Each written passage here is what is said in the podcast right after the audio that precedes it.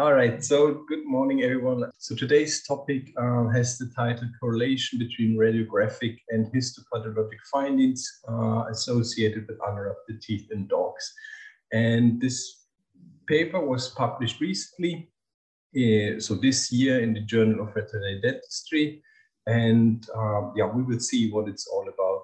So to give you a little introduction to this topic, um, so we are talking about unerupted teeth, and there are quite some um, retrospective studies out there uh, looking at what um, those non-erupted teeth can cause. And we kind of, at the moment, have at least radiographic evidence that, uh, so this is from, from a study I will mention later on, um, that at least in 30% of the unerupted or the 30% of, of the unerupted teeth will have clinical uh, significant lesions associated with it. So that's quite a high number. Um, we are not really sure what causes the teeth not to uh, fully erupt. We know that there are some breech uh, predispositions. Um, it's discussed that it has something to do with lack of space and also with a lack of erupting process at all. It can be associated with trauma, but it's not uh, like we we are 100% sure what causes the teeth not to erupt. Uh, and we can mostly see it uh, with the first premolars uh, in the mandibular jaw. Then, uh, if we look at the data, um, usually um, those studies are only or mainly looking at radiographic evidence, uh, but most of them don't have histopathologic uh, data for all of the cases about the authors, um, so they are both uh, working in a um, dental referral clinic uh, or a referral practice uh, in North America. Uh, so the one of the first authors, uh, Dr. Jason Hutt, is uh, the resident of Dr. Maria, Mary uh, Krakowski Volker. They're both so they're, they're kind of dental specialists and that's also the clients they see. And um, if we look at Dr. Mary uh, she also published a quite known uh, paper about the radiographic signs uh, associated with non-erupted teeth, uh, which we're going to look at now. So if we look at all the, the uh, previously published studies, so there's, for, for example, this one, which is also from the same author, uh, but there's also one from a um, Italian group um, on frontiers. And what they usually look is at uh, the radiographic signs and what the prevalence of lesions are and what so and what kind of breeds are predisposed, what kind of age are predisposed. So basically they're they're giving us some epidemiological data. Uh, but in all of those studies, um, they didn't include histopathology for all cases.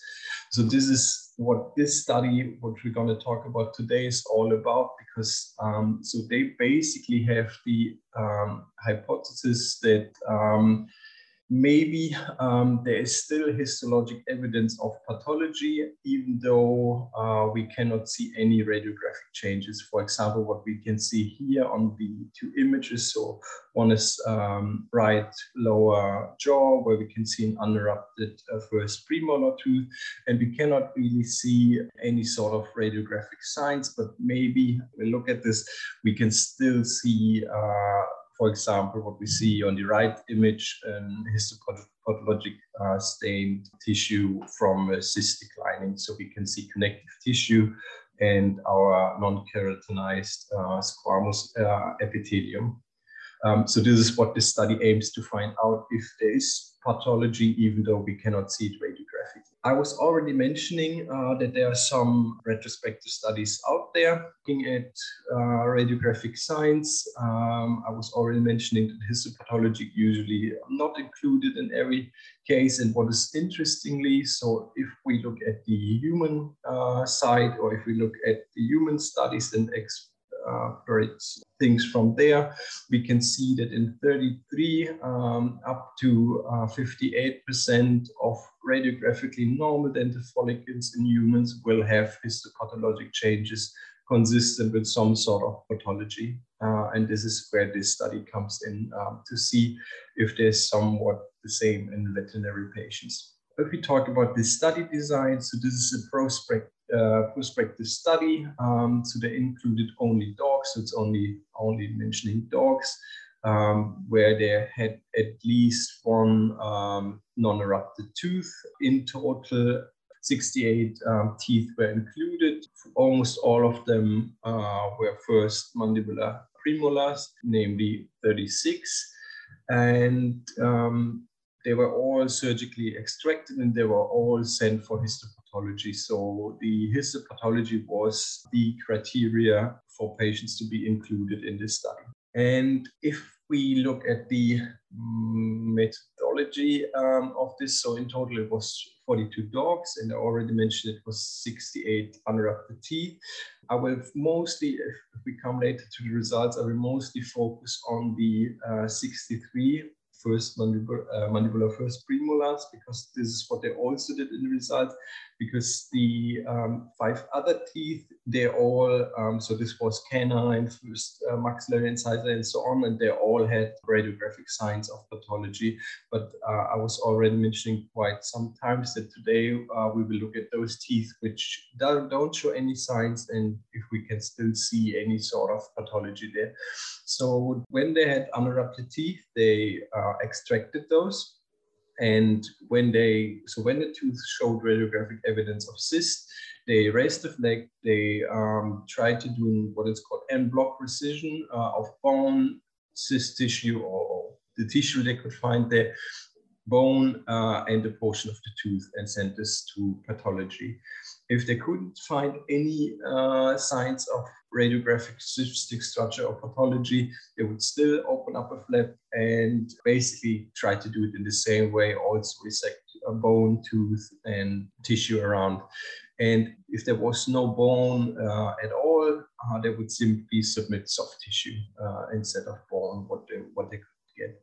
Um, so this is somehow how, how they performed the study. They also gave some they, they basically use the same principles they used in the last study uh, for, for the radiographic science. Uh, if you want, we can discuss it at the end, but this is basically how they surgically extracted those teeth. And what I found out, uh, so first of all, if you remember from one of my first slides, that in their study, 48% of the unerupted mandibular first premolars, so we are only looking at those cases, um, they had uh, radiographic signs of cyst, which is a bit much higher, so almost 80% uh, higher than the previously studies. Uh, but we're going to talk about this in discussion. And only 75% of those had histologic evidence of epithelial lining. Uh, of, co of course, they performed all of them, but only 75% had the evidence. Then, if we look at the cases where there was no sign of pathology radiographically, uh, most of them, uh, so it was only, um, so 77 uh, also histologically showed no evidence of epithelial lining, but there were eight cases, so, so 22.9% uh, where we could see histologic changes with the evidence of non-keratinized squamous epithelium or stratified um, squamous epithelium, even though there were no radiographic signs. So this is 22.9% of the cases without any signs. So you can say that um, the radiographic findings and the histologic findings were in agreement in 75% of the cases with a cyst and 77% of cases where no cyst was present. If we look at limitations of this study. Uh, so first of all, that's also what they were mentioning. The majority of cases where the owner declined uh, histology were excluded, which means that probably a lot of cases where um, there was no sign of radiographic uh, change, uh, owners declined to do histology. And that's also one of the reasons why they're saying the number might be a bit, or the percentage of uh, what I've mentioned of dogs with uh, radiographic signs higher in this study because it's basically it's not so it's basically a subgroup of patients uh, where the owners were willing to submit histology and this is what influences our data uh, another problem is definitely the uh, sampling technique. Uh, it's something they are also mentioning. So on the picture on the right, you can see the uh, region they dealing with the most. Um, so again, lower jaw, region of first uh, mandibular premolar, and it's a quite narrow space uh, where you have to extract a tooth. Um, you have your canine running there, uh, which you don't want damage. Um, you have your second premolar tooth, and especially in the cases where there were no signs of cyst, you want to be sure to not damage the surrounding structures. Um, so it is kind of difficult to take um, good sample in this region to not cause uh, more harm um, than is good uh, for, for, for patients.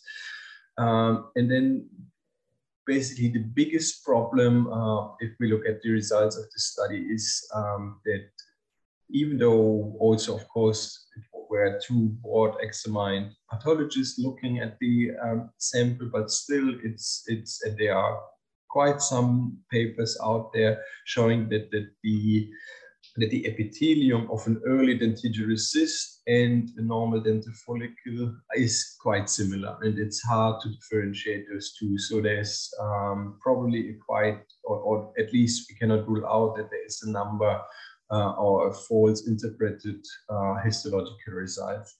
But in general, I think what this paper helps us a little bit with is uh, when we when we are concerned with the question if we could ex should extract a tooth, non-erupted tooth without signs of radiographic pathology. So this study more leans us towards the way that we should still extract them, giving the number that there are still some cases where we can at least see histologic changes, even though we cannot be sure that they're all correct. But because this is the thing where we are not really sure in veterinary medicine if we should uh, what, what we should do with those cases, if we should just recommend monitoring or what we should do. And I think this paper uh, more uh, leads us towards the direction to extract those teeth. And that's already it for this morning, what I have. Then I wish everybody good day, good morning, and have a great week. See you.